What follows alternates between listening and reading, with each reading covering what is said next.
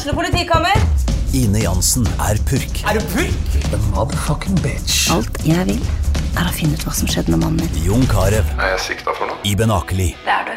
Ole So, Lars Berrum og Big Daddy Karsten. Hvem sin side er du på, egentlig? Anette Hoff, Tone Danielsen, Kommer du fra Afrika? Jørnis Josef, Nesten. Kløfta. Trond Espen Seim, Det er synd å si det, men det var feil mann som døde. Purk. Premiere tirsdag på TV2 Play. Dyrisk desember med podkasten Villmarksliv. Hvorfor sparker elg fotball? Og hvor ligger hoggormen om vinteren? Og hva er grunnen til at bjørnebinna har seg med alle hannbjørnene i området? Svarene på dette og mye mer får du i podkasten Villmarkslivs julekalender Dyrisk desember, der du hører på podkast. SA-podden blir gitt til deg i samarbeid med Fleksi. Regnskap med et smil.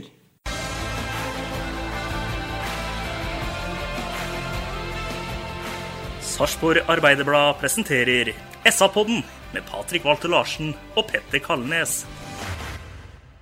Hjertelig velkommen til SA-poddens årskavalkade år 2019.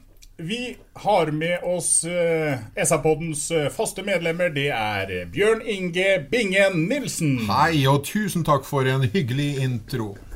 Og så har vi en annen hyggelig kar, og det er mister Blå sløyfe Øystein Veberg. Ja, jeg tok med den eneste dressjakka jeg har, Patrick, og den sløyfa syns jeg passer for anledningen. Den er, Takk for det. Den er helt suveren.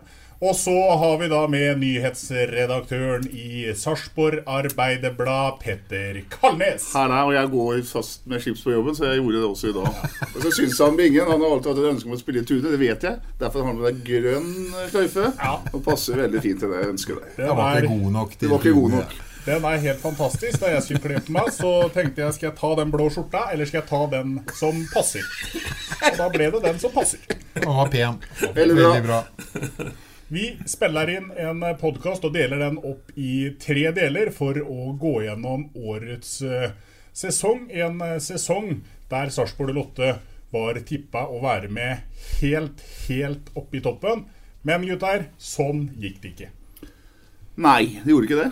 Det gikk eh, skeis fra ganske tidlig. Eh, åpner jo brukbart med at man har fem kamper vel uten å ha tapt.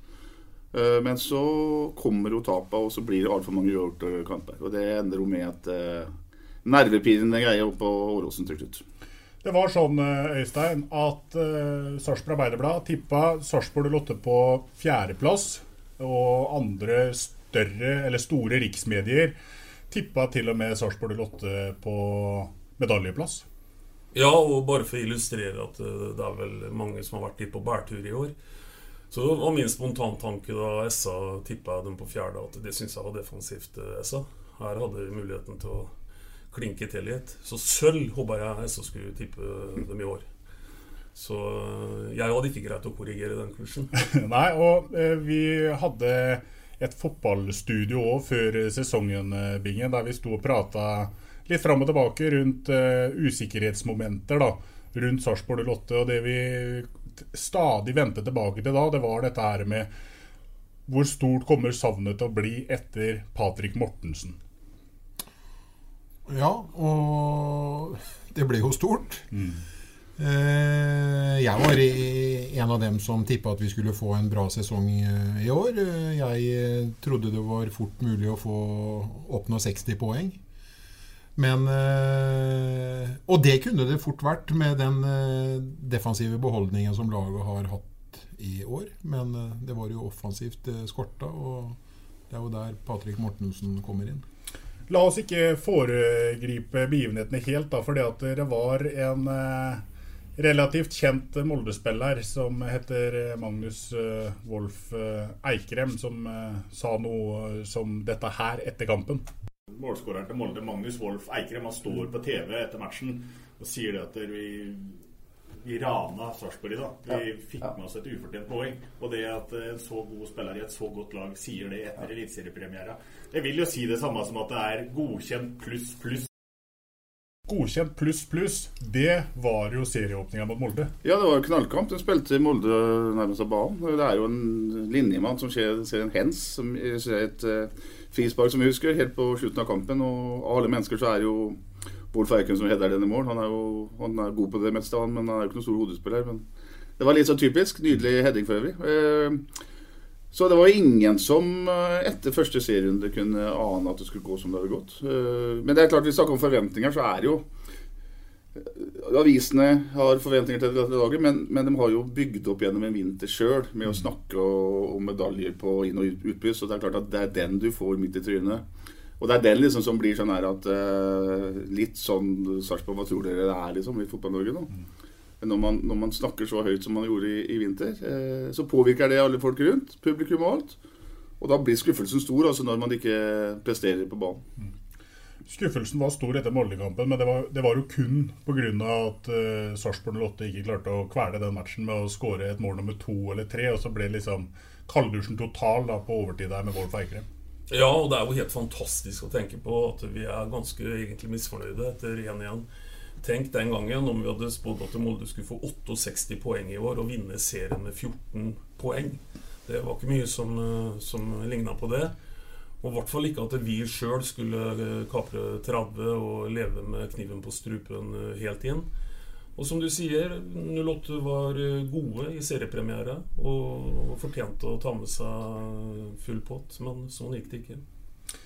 Kampen etter hjemmepremiere mot Molde, det var bortekamp mot Haugesund. Da ble det 1-1. For øvrig i en kamp hvor Bingen meldte at Sarpsborg 08 måtte passe seg for frisparkfoten til Alexander Stølås. Eh, der fikk du rett, Bingen, for det var Stølås som banka et frispark i stolpen, ryggen på Vasiotin og inn. Og så er det litt morsomt, for da sier jo også Bingen eh, i podkasten før Haugesund-kampen at eh, det kommer til å bli 1-1 i Haugesund. Og det er Kristoffer Sakariassen som kommer til å krige inn et mål. Og så er det akkurat det som skjer, Bingen. Ja, men det var, før vi går videre Jeg vil jo si det er moro at Bingen kunne treffe på noe. Ja, det er det jeg sier. Skal du plukke fram alt han har truffet, så blir det jo et kort program. Da. Ja, men eh, vi har, jo, vi har jo nå ikke plukka ut noe, noe lydklipp fra det, men jeg syns det er uh, moro å høre. Jeg stoler jo på deg. Ja, ja, det, det, Nei, det heter produsent Bjørn Inge Nilsen. Eh, bortekampen mot Haugesund den eh, gikk vel sånn relativt fort i glemmeboka. Det var ikke noe stor kamp av noen av lagene. Men så var det hjem for å møte Lillestrøm, og da kom endelig da sesongens første, første seier. Mm, ja. Jørgen Sand Larsen skåra mål, og alle var fornøyde. Eh, skuffelse at man ikke vant eh, åpningskampen. Nå er det 1-1 i Haugesund, er helt greit. Og så slår man Lillestrøm i tredje. Så, så serieåpninga er jo faktisk veldig bra. Den. Absolutt. Og 1-1 i Haugesund, for å understreke det, det er alltid greit. Altså, det har alltid vært en vanskelig bortebane og kommer til å bli en vanskelig bortebane. Så, så etter tre runder så var det fortsatt all grunn til å være veldig optimistisk. Vi har skåret nå tre mål på tre kamper. Vi har fem poeng. Veldig bra med fem poeng. Vi har ingen tap. Men vi skårer for lite mål. Og hadde man hatt en, hatt en toppspiss i Eliteserien per nå, så hadde den kampen vært slutt, tror jeg.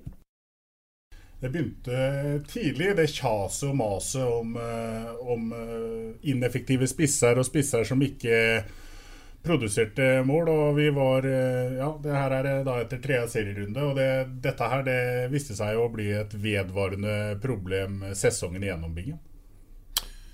Ja, vi varsla jo det tidlig, vi. Eh, mens eh, klubbens ledere faktisk eh, mente at det var bare stang ut som gjorde at vi ikke toppa tabellen. Så vi var jo allerede da, etter tre serierunder, ganske langt fra hverandre, ledelsen og vi. ja, det, det kan, vi jo, kan, vi jo, godt si. For det, det, det, ble, selv om det ikke var sånn det skulle bli, så ble det jo etter hvert et veldig veldig stort press på, på de spissene som var i Sarpsborg Lotto. da. Ja, og det blir jo spesielt lagt et stort press på Jørgen Strand Larsen, som er 19 eh, år. og Skåra 11 mål i eh, vinter og fikk masse ros. Uh, fortjent. Han var bra. Jeg så han uh, bl.a. i Spania et par ganger. Strålende mot CSKA, skåra tre mål. Treningskamp selvfølgelig, men det er mot toppspillere. Så, så Jørgen Strand Larsen hadde en vinter som var helt eventyrlig. Ble vel omtalt som Nordens beste spiss av uh, Thomas Berntsen ved et tilfelle. Så det er klart at uh, presset på han ble stort, og det, det, viser seg at han ikke foreløpig var klar nok til å ta det ansvaret det er å være førstespiss i et eliteserielag. Det, det er han ikke ennå. Så,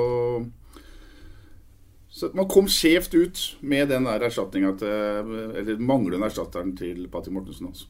Og så var det noen ting vi var veldig fornøyd med etter kampen mot Lillestrøm. Jeg sa litt fleipete i går at det er godt at han Lars Dagerbæk ikke ser Eller dumt at Lars Dagerbæk ikke ser uh, eliteseriekamper, for det er jo ikke bra nok. Men uh, faen, er det så mange midtstoppere som er bedre enn han, da?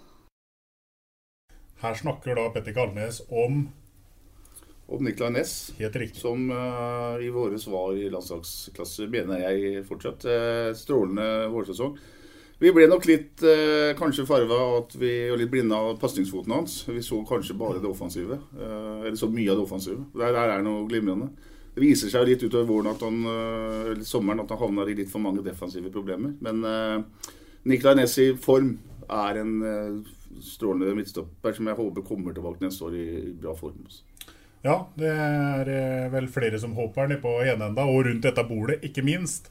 Etter hjemmeseier mot uh, Lillestrøm så gikk turen nordover, og det ble 1-1 borte mot uh, Bodø-Glimt. Øystein, hva husker du fra den matchen der? Jeg husker at vi for første gang uh, så en Salvesen som har noen avslutningsegenskaper som ikke så veldig mange har. Eh, måten han uh, utligner for oss på slutten av kampen. Tar ned en langpasning og, og, og, videreformidler det ganske kontant i hjørnet. Veldig, veldig høy klasse. Men igjen så er det jo litt rart å tenke på at, at uh, nå, vi, nå, reiser vi til Bodø og får med oss et poeng og er misfornøyd med, med det. ja. Ikke sant? Og det er, det er altså årets sølvmedaljer. Så det ble en rar, rar sesong. Ja, det gjorde det. Uh, Bingen, det her sa du. Men går han stille? Har vi, har vi, har vi forsømt oss? Har vi sovet i timen på overgangsmarkedet i vinter, eller hva er det? Du var ikke helt fornøyd. Du så et Bodø-Glimt-lag som blomstra litt, og et uh, Sarpsborg Lotte-lag som hang litt i taua. Ja, og da fikk jeg voldsom kritikk òg. Eh, ikke av dere, men av mange andre. Men det er vel kanskje noe sånn som man kan si hvis man føler at man skjønner litt av det spillet her. Da. Og jeg mente jo det jeg sa. Og jeg syns vi så faresignalene veldig tidlig, når uh, lag uh, slutta å få respekt for oss. Og sto høyt i banen, og det var ikke vi som styra kampene lenger. Og vi kom jo ganske raskt dit at uh, 08 var jo egentlig ikke noe å frykte. Nei. Og da sa jeg det, og det står jeg for. Og føler dere andre rundt eh, bordet her? Eh, Bingen var veldig tidlig ute med å mene at det var, eh, det var ikke henta inn nok kvalitet, og så var vi andre kanskje litt mer tvilende.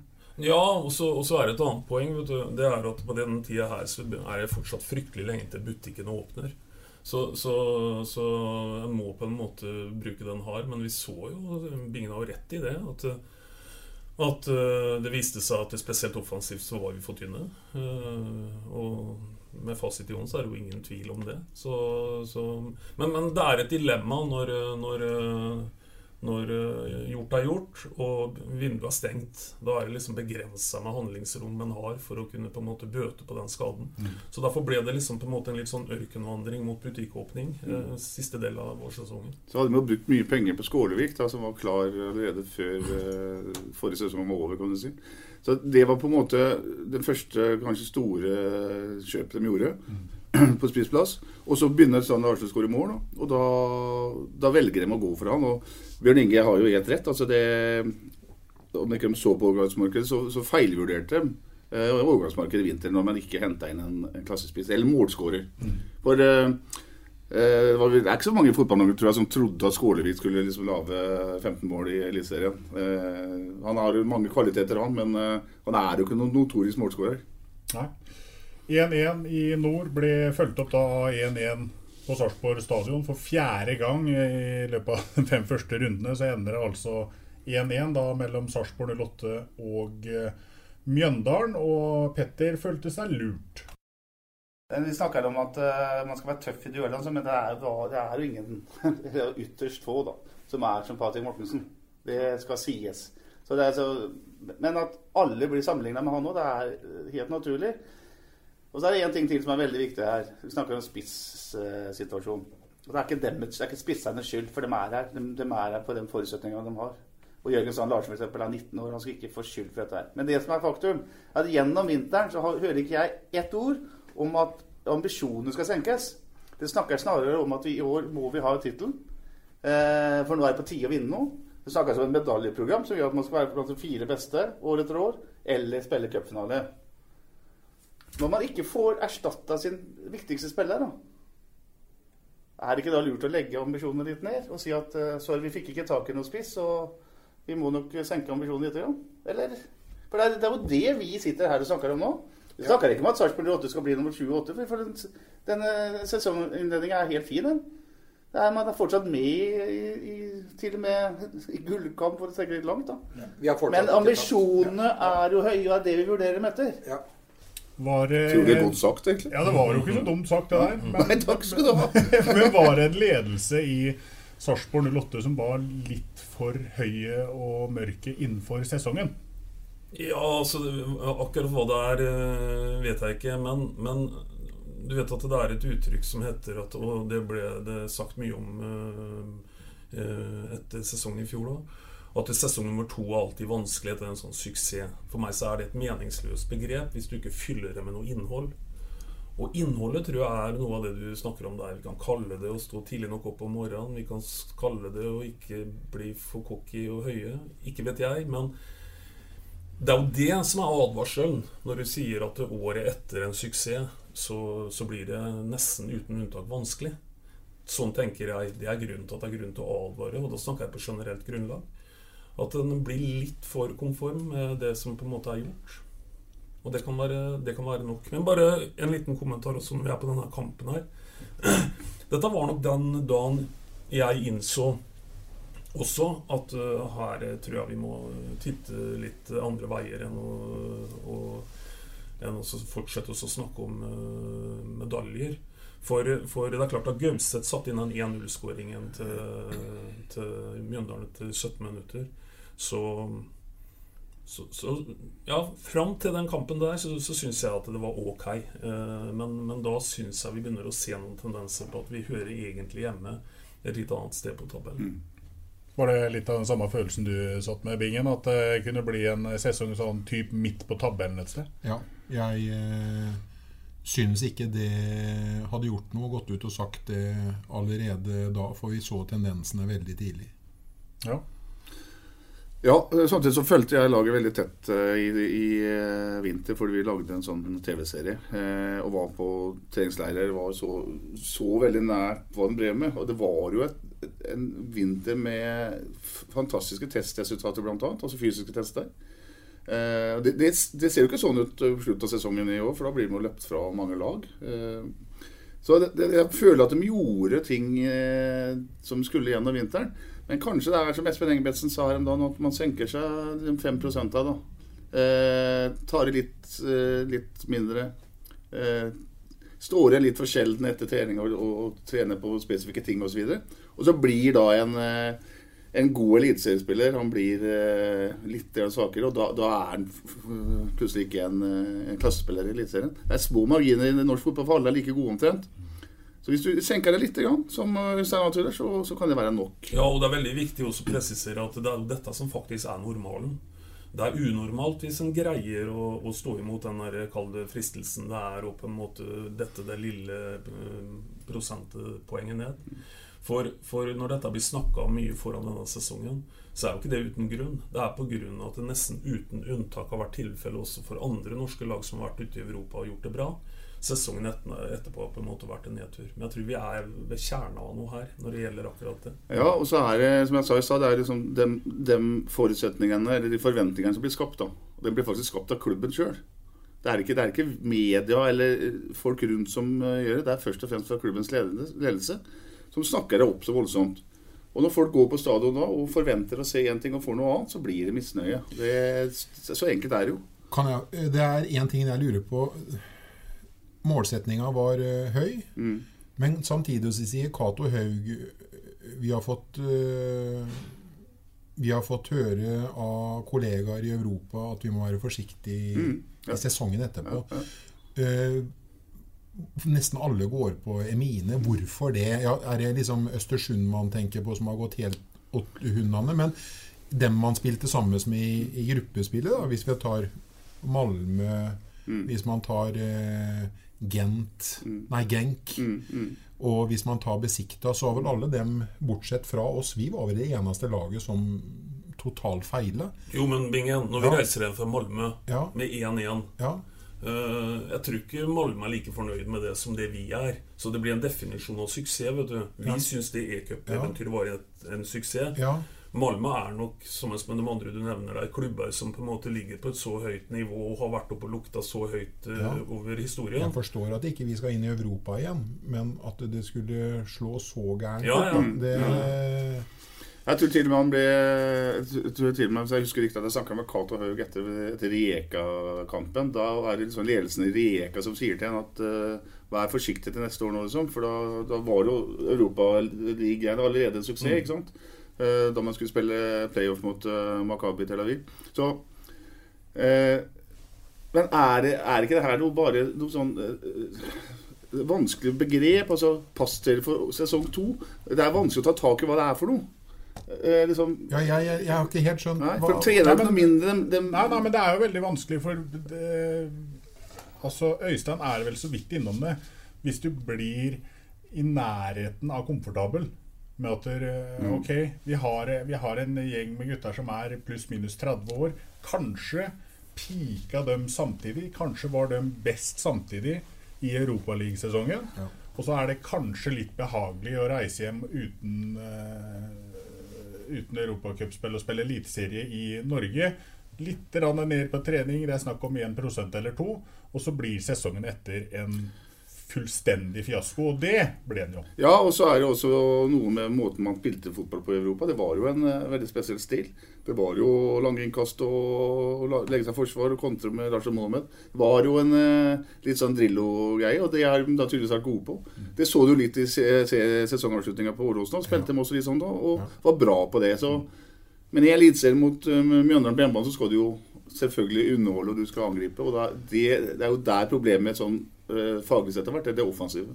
Og så er det jo små marginer, eh, Patrick. Jeg tror at eh, alle kan være enige om at Uh, forskjellen på å havne topp seks og bånn seks, for å si det sånn i Eliteserien, den, den er veldig liten.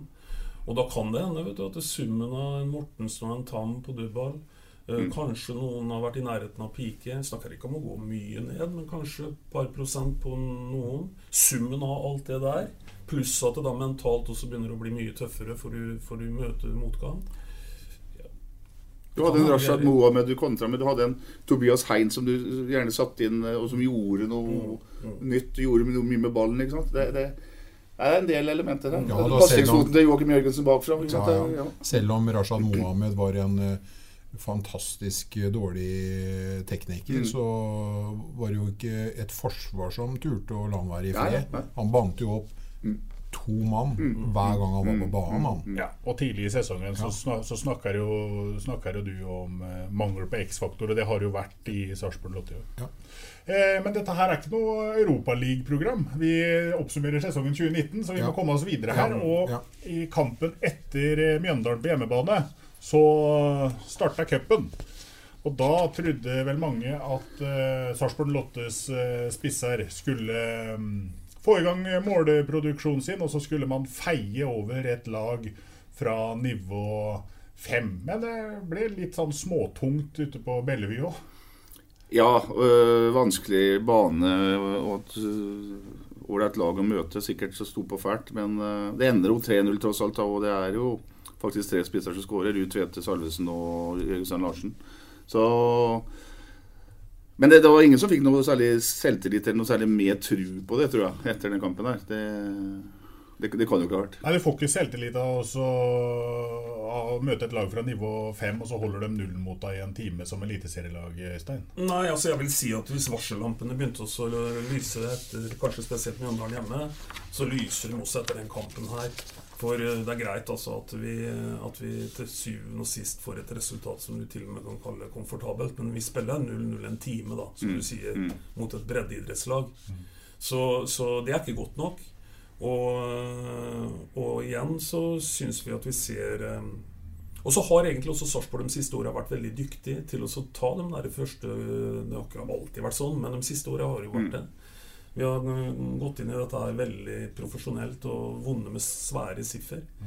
Eh, jeg sier ikke at de ikke hadde en, en profesjonell inngang til den kampen, men, men, nå begynte vi å se det at uh, vi har noen mangler i det laget her. Ting glei ikke helt, rett og slett? Nei.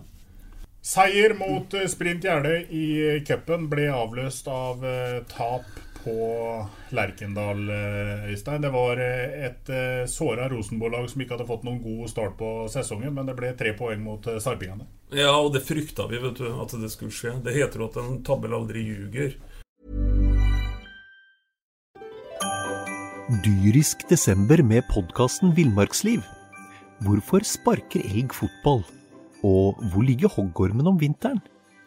Og hva er grunnen til at bjørnebinna har seg med alle hannbjørnene i området? Svarene på dette og mye mer får du i podkasten Villmarkslivs julekalender dyrisk desember, der du hører på podkast. Og så kan vi jo legge til at det er klart tidlig tidlig i sesongen så ljuger ofte den. eh, For, for da er det litt tilfeldigheter. Og Rosenborg fikk jo en forferdelig start på sesongen. Så, så, selv om de hadde en veldig dårlig sportslig inngang til den kampen der, så, så må jeg si at uh, vi hadde etter hvert også visst såpass mye svakheter, så jeg frykta den kampen på Lerken. Det var her Hornland la om til 4-3, tror jeg, var det ikke det? At han uh, på en måte bøyde av for presset om å spille sånn som trønderne vil spille med tre på midtbanen og underløper osv. Eggen-modellen. Men det var en, den huset som en sånn derre liksom håpløs kamp. Det så ikke ut som de hadde muligheter, hadde tro på det hele tatt heller.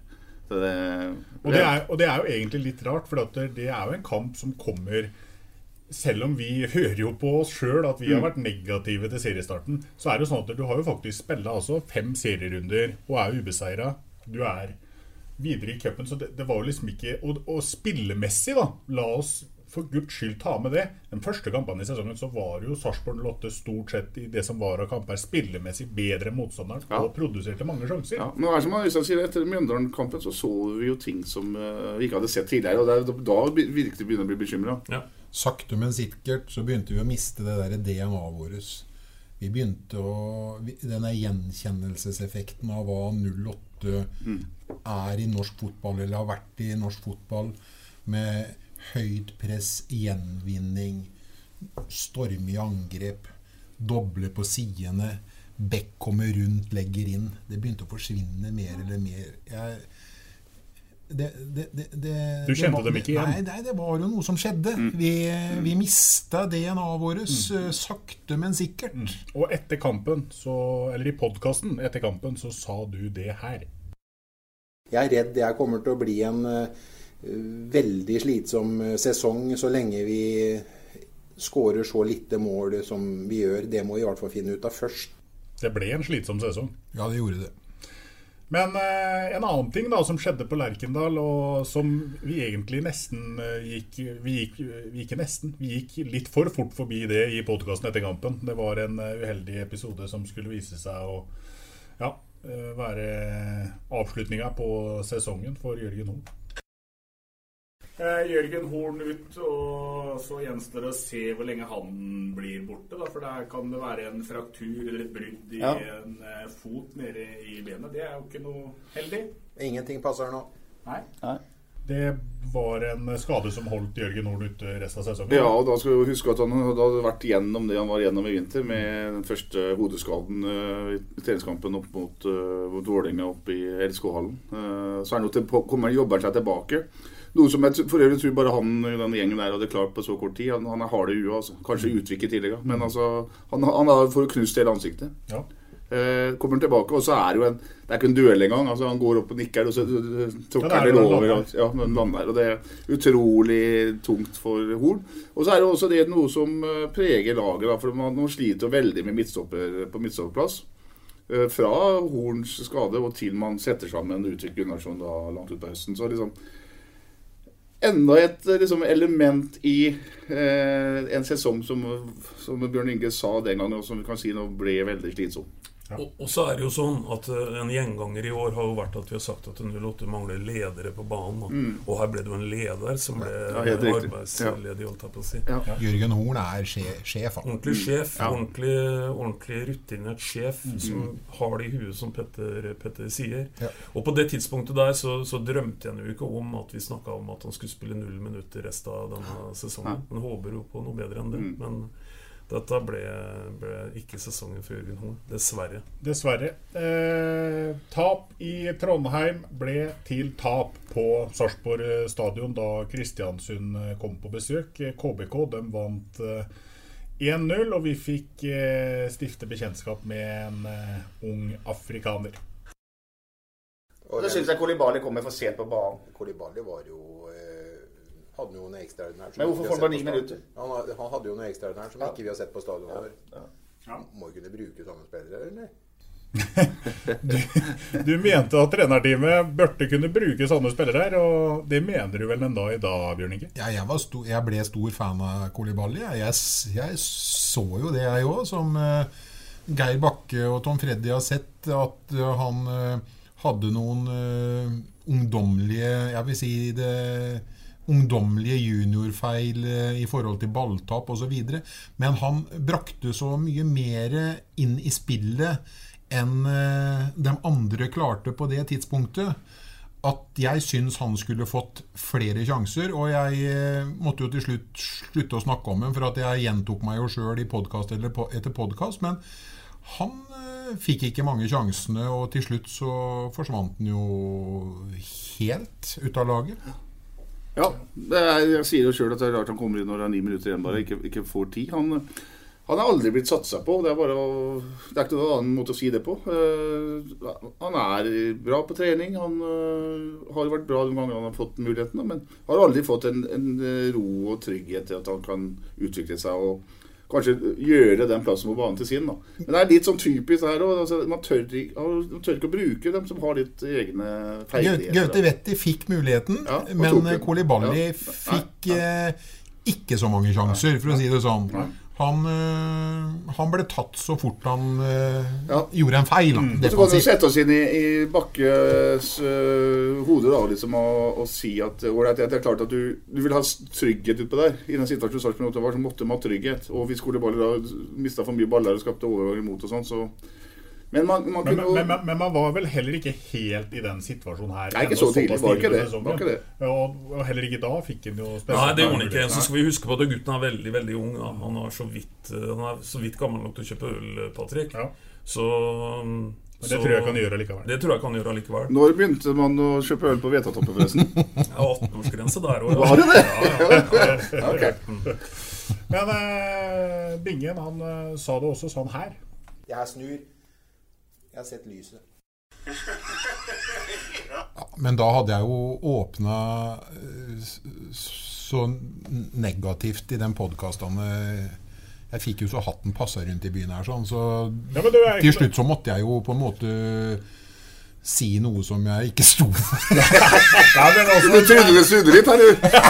ja, men det her er jo tatt litt ut av kontekst. Da, for det, I utgangspunktet så snakker vi vel litt om eh, Kolibali fortsatt her. Ja, og du har sett lyset. altså Du har sett en midtbanespiller som du, ja. som du gleder deg til å se mer av. Ja, det var, det, som vi prater om her, da, så fikk du jo ikke se så veldig mye nei, mer nei, til Kolibali. Nei, jeg trodde faktisk at Bingen hadde blitt så nyfrelst på en eller annen sånn en, uh, greie da jeg hørte, hørte de orda der. Men det som er interessant da i forhold forhold til å ta rett og, og ha rett og ha feil osv. Vi kommer jo litt mer tilbake til det osv. Bingen så vel antagelig et motgående tog. For, eh, for, det er klart at etter at Bingen faktisk så det svære lyset sitt, så, så, vi, så begynner vi jo virkelig å prestere dårlig. Ja. Så, så en, en, av årets dårligst tima uttalelser. Moralen her, Bingen, ikke vær positiv, for det går ikke her uansett. Men det var mer til Kolibali også. Jeg syns Kolibali var en eminent. Jeg, selv om ikke da nede på stadion dem så det, så mener jeg at han eh, Han hadde vært en bra mann for oss. Jeg sier ikke at vi hadde vært fantastisk mye bedre, men vi hadde samtidig utvikla en spiller, og vi hadde fått kjørt den inn som hadde vært preppa og klar for uh, sesongen 2020. Ja. Jeg vet ikke hva de tenker med, hans, med han, han, videre framover, men sannheten er i hvert fall at ikke han ble satsa på. Han ble ikke satsa på. Hjemmekampen mot Kristiansund, den var ikke fryktelig svak. Det var igjen et Sarpsborg Lotte som eh, hadde et spillemessig overtak, men denne gangen så gikk man av banen med et uh, tap, da. Men så reiste Sarpsborg Lotte til Bergen og møtte Brann 16. mai. Tapte 2-1, og da var de ikke i nærheten. Nei, en fryktelig oppladning til 17. mai der, altså. Men, uh, det husker som en sånn, igjen en sånn kamp som du nesten ikke gadd å se på, for det var liksom ikke noen ting. Og Brann er ikke noe voldsomt lag, men ja, det var en uh, elendig forestilling. Ja, du, den kamp, akkurat den kampen var til å bli litt dårlig humør av. Ja. ja. veldig dårlig humør. Det er som Petter sier, det var en elendig oppladning til, til, til Norge rødt, hvitt og blått. For uh, selv om resultatet da er uh, liksom på en måte 2-1, og det kan jo virke som en sånn kamp lever veldig, så, så var det en følelse av at her får vi ikke med oss noen ting. Nei. Jeg hadde vel en mulighet på, på tampen der til å rane med seg ett poeng ved å få en utligning, eh, Bingen. Men det var en eh, kamp der sarpingene ikke hang sammen ordentlig. Ja, dessverre. Jeg, jeg, kan jeg, kan ikke, si noe mer. Jeg bare sier ja, dessverre. Ja, dessverre. Eh, det har vært en del dessverre i år. Eh, det har vært en del matcher hvor man ikke har hengt helt i sammen. Og en av de matchene hvor man ikke gjorde det, det var hjemme mot Ranheim i kampen etter. Da ble det 3-1 til eh, trønderne, og det var eh, igjen kjempesvakt. Ja, og det var vel uh, den svakeste av alle hjemmekampene, så vidt jeg kan huske. Ja, den er på pallen ja. i hvert fall. Ja. Av årsverste. Ja. Ingen tvil. Du har pall på det òg? Ja, vi har pall på det òg. Mm. Ja, for det er jo sånn da, at det er jo disse to hjemmetapene som da kommer med 14 dagers mellomrom, mm. eller ikke det engang, 10 dager vel, eh, på Sarpsborg stadion. Det er jo de eneste to hjemmekampene Sarpsborg Lotte taper i år. da Ja, de kommer til og med på åtte dager. Åtte. Ja. Og det er, som du sier uh, Hvis et fort er noe som uh, er, uh, dreier seg om å ikke tape, da mm. Vi skal jo helst vinne. Så er jo stadion på mange måter et fort. da For mm. å avslutte det med over et halvt år uten å tape fotballkamper på Sarpsborg stadion. Mm. Ja. Bingen, du var ikke spesielt imponert etter denne matchen, og da hørtes det sånn her ut. Ja da, det er greit og det er fint å stikke armene i været. Men hva i himmelens navn er det Geir Bakke gjør for noe før kampen i går? Da? Når du har skader, og i tillegg til så, eh, så, så, bytter du så mange som du gjør, så det blir totalt to bytter. To av dem er naturlige, og flere mener du da ikke er gode nok til å spille. I et lag i motgang, en lag som sliter. Han fikk jo ikke noe svar. Han forventa at han skulle få ut på eh, elleve eh, schæferhunder, og så fikk han elleve puddelhunder.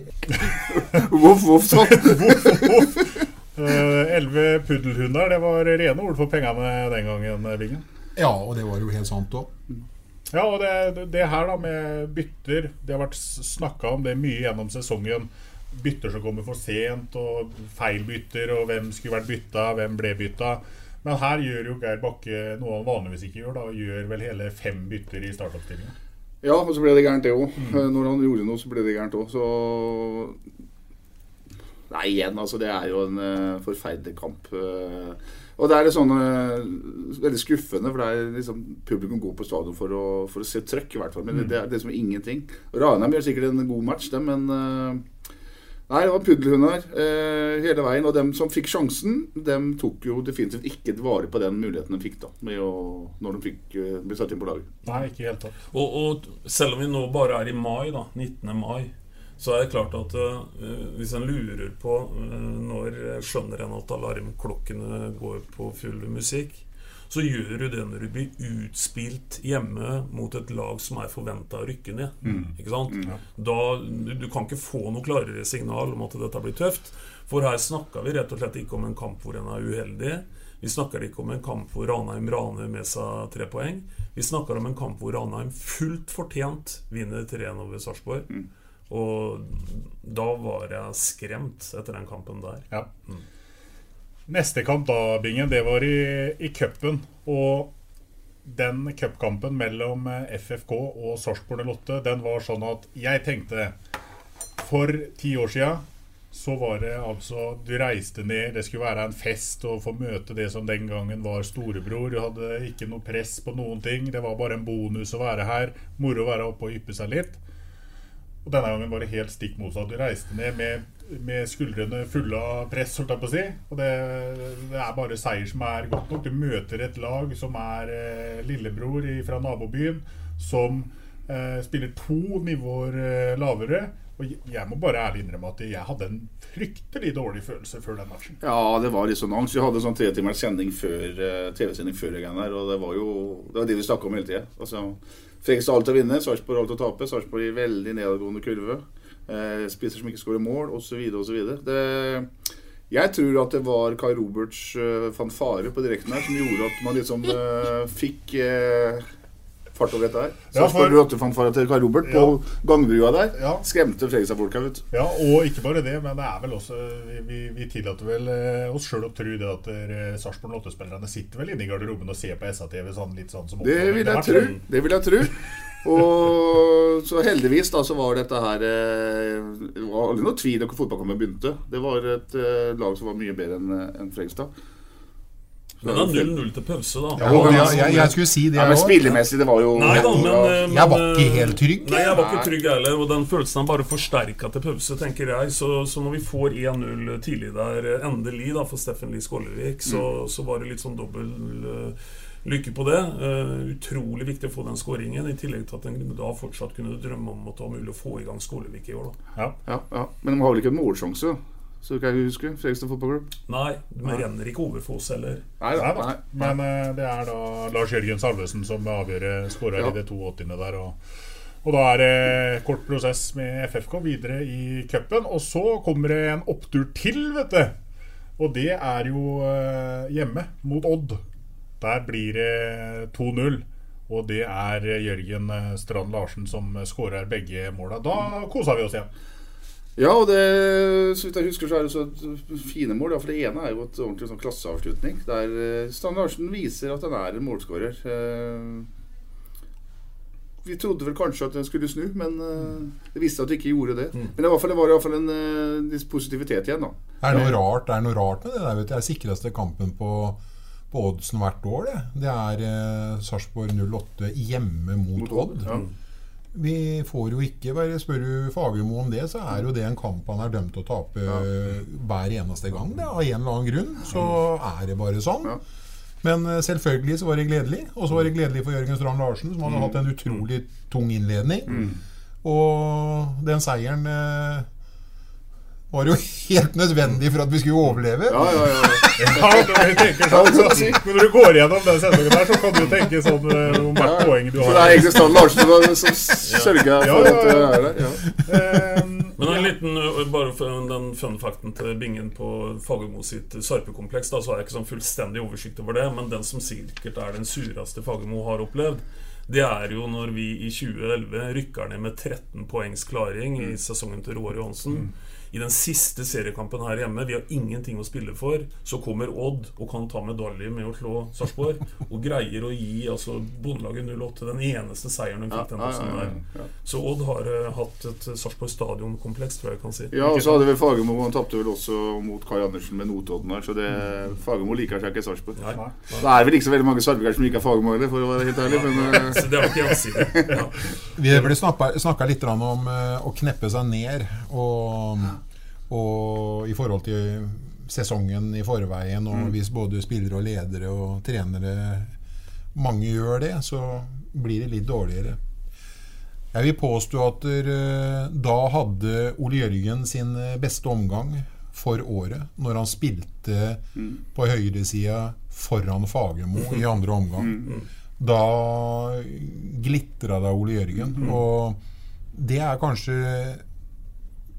Litt grann, eller bare for å liksom poengtere litt av det du Mm. sa i stad, om å Mm. kneppe seg ned et par hakk uh, i forhold til at sesongen da blir eh, litt Mm. dårligere, eller mye dårligere. Ja, det er klart at det der kan utmerket godt være et poeng. Det er klart at eh, Ole Jørgen har fryktelig lyst til å vise at Fagermo ikke har noen peiling på det greiene her, som ikke ga ham mer tillit etter hvert i, i Odd. Så det er klart at det, det er vel heller en fare for at Ole Jørgen er overtent i en sånn kamp. Jeg tror ikke det er problem å komme opp på eh, nivå. Men da spilte han på nivå vi kjenner han Ja, ja, ja. Som vi ikke så han så. Da, Som vi kanskje bare så han glimtvis i, i år, da. Enig. Ikke noe kritikk til Ole Jørgen som uh, gutt og person ellers, eh, men uh, akkurat uh, sesongen i år var ikke helt der vi håpa. Nei da, og det har den ikke vært for eh, spesielt mange Sarpsborg Lodde-spillere. Vi Nei. skal ta med oss et par klipp vi, fra podkasten som ble spilt inn dagen etter den 2-0-seieren mot eh, Odd. Fossefallet står jo og gjør jobben sin hver eneste kamp, men i går så var det jo øh, øh, Fossefallet fikk jo med seg tribune i går òg. Det var 5500 mennesker på stadionet i går, og det var en lettelse. Og alle var glad. Det, Jørgen Strand Larsen, når han ble bytta ut han ble, Folk reiste seg og Mm. applauderte Mm. stående, og det har du ikke sett. Ja. Men vi har vært et lag i motgang, og oppturene har vært få Mm. hittil i sesongen. Ja. Så i går så satt alle pris på, på det som skjedde. Og det må vi selvfølgelig ta noen ord om. Og det er eh, publikum på Sarpsborg stadion, som til tross for eh, mye motgang da, denne sesongen, har vokst i antall, og aldri har så mange sarpinger fulgt eh, laget sitt i toppdivisjonen i Norge noen gang. Det er morobingen. Ja, fantastisk. Og vi har jo Veberg har jo snakka mye om det i forhold til at vi har hatt den dårligste plassering på tabellen på lenge. Men samtidig så har tilskuerantallet økt, og vi har jo fått en eh, tribune nå som eh, er bygd inn, og det klinger jo veldig mye bedre på Fredrikstad Nei, på Det er jo sånn det Ja, jeg tenkte på fossefallet på Fredrikstad. Jeg så dem etter Salvesen Ja, ja, ja. i 88 der nede. Jeg satt og tenkte på det, faktisk. Der òg hører du dem veldig godt, men nå fikk du høre dem faktisk veldig godt uh, hjemme òg. Så det er veldig fint. Og stadionpublikum har kommet i eh, hopetall, får vi si, i år. Og det har vært positivt, selv om det har vært eh, motgang. Og så er Den organiserte synginga har jo vært på et helt annet nivå i år enn det har vært tidligere.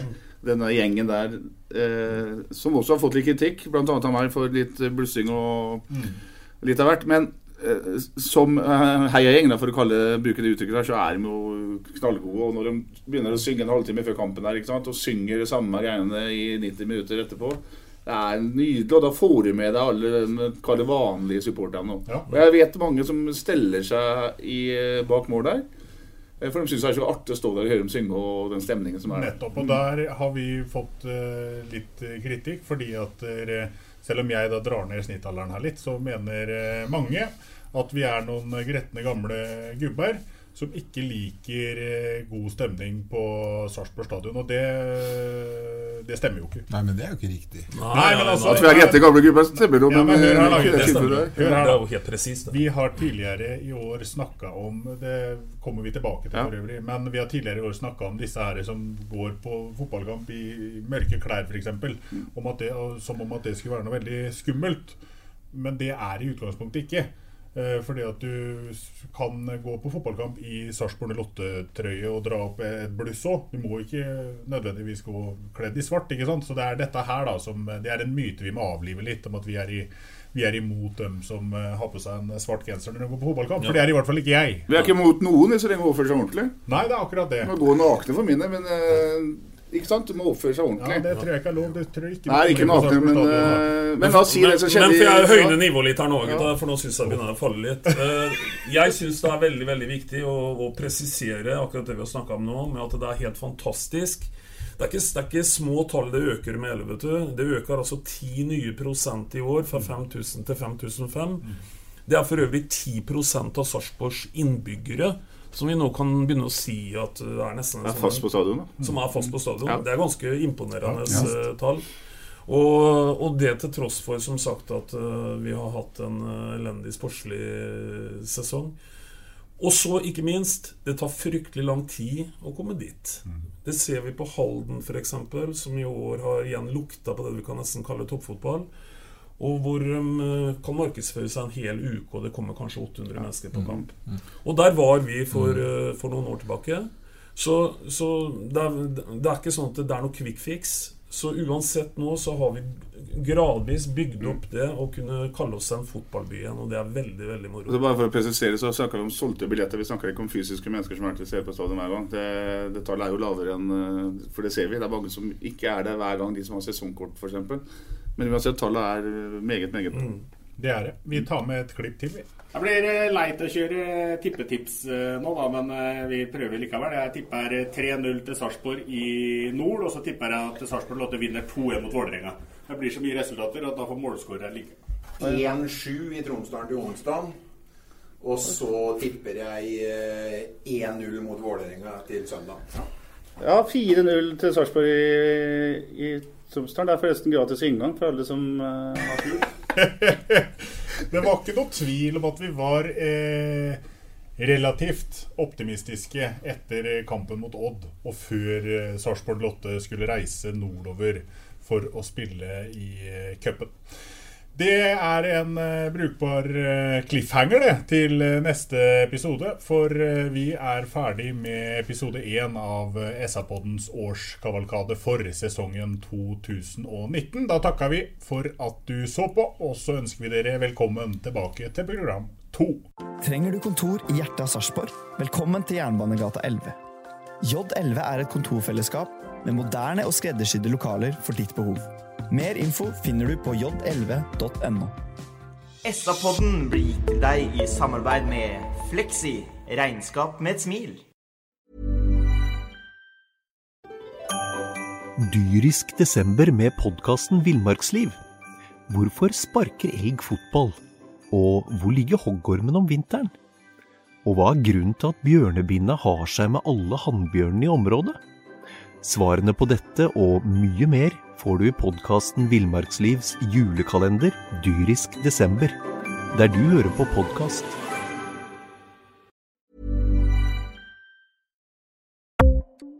Ukens annonsør er HelloFresh. HelloFresh er verdens ledende matkasseleverandør og kan være redningen i en travel hverdag. Mange av oss har nok vandret i butikken både sultne og uten en plan for middagen, som ender med at vi går for de samme kjedelige rettene gang på gang. Middag burde være dagens høydepunkt. Som HelloFresh kan du nå velge mellom 25 ulike retter hver eneste uke, eller få HelloFresh til å sette sammen menyen for deg. Dette gir deg muligheten til å prøve nye og spennende retter alene eller sammen med familien. Du velger antall porsjoner og får alt levert på døren på et tidspunkt som passer for deg. Oppskriftene er enkle, og maten er lett å lage både for store og for små. Ved å få alt levert hjem får du også mer tid til å dele matgleden med familie og venner. Kanskje det frister med asiatiske tacos eller greskinspirert kylling? Da kan jeg anbefale deg om å gå inn på hellofresh.no. Her kan du bruke koden FOTBALL og få opptil 1779 kroner i rabatt på de første fem matkastene hvis du ikke har prøvd HelloFresh tidligere. Du kan også bruke rabatten hvis du har vært kunde og stoppet abonnementet ditt for tolv måneder siden eller lengre. Gå inn på hellofresh.no og bruk koden FOTBALL. Har du et enkeltpersonforetak eller en liten bedrift? Da er du sikkert lei av å høre meg snakke om hvor enkelt det er med kvitteringer og bilag i fiken, så vi eh, gir oss her, vi. Fordi vi liker enkelt. Fiken superenkelt regnskap.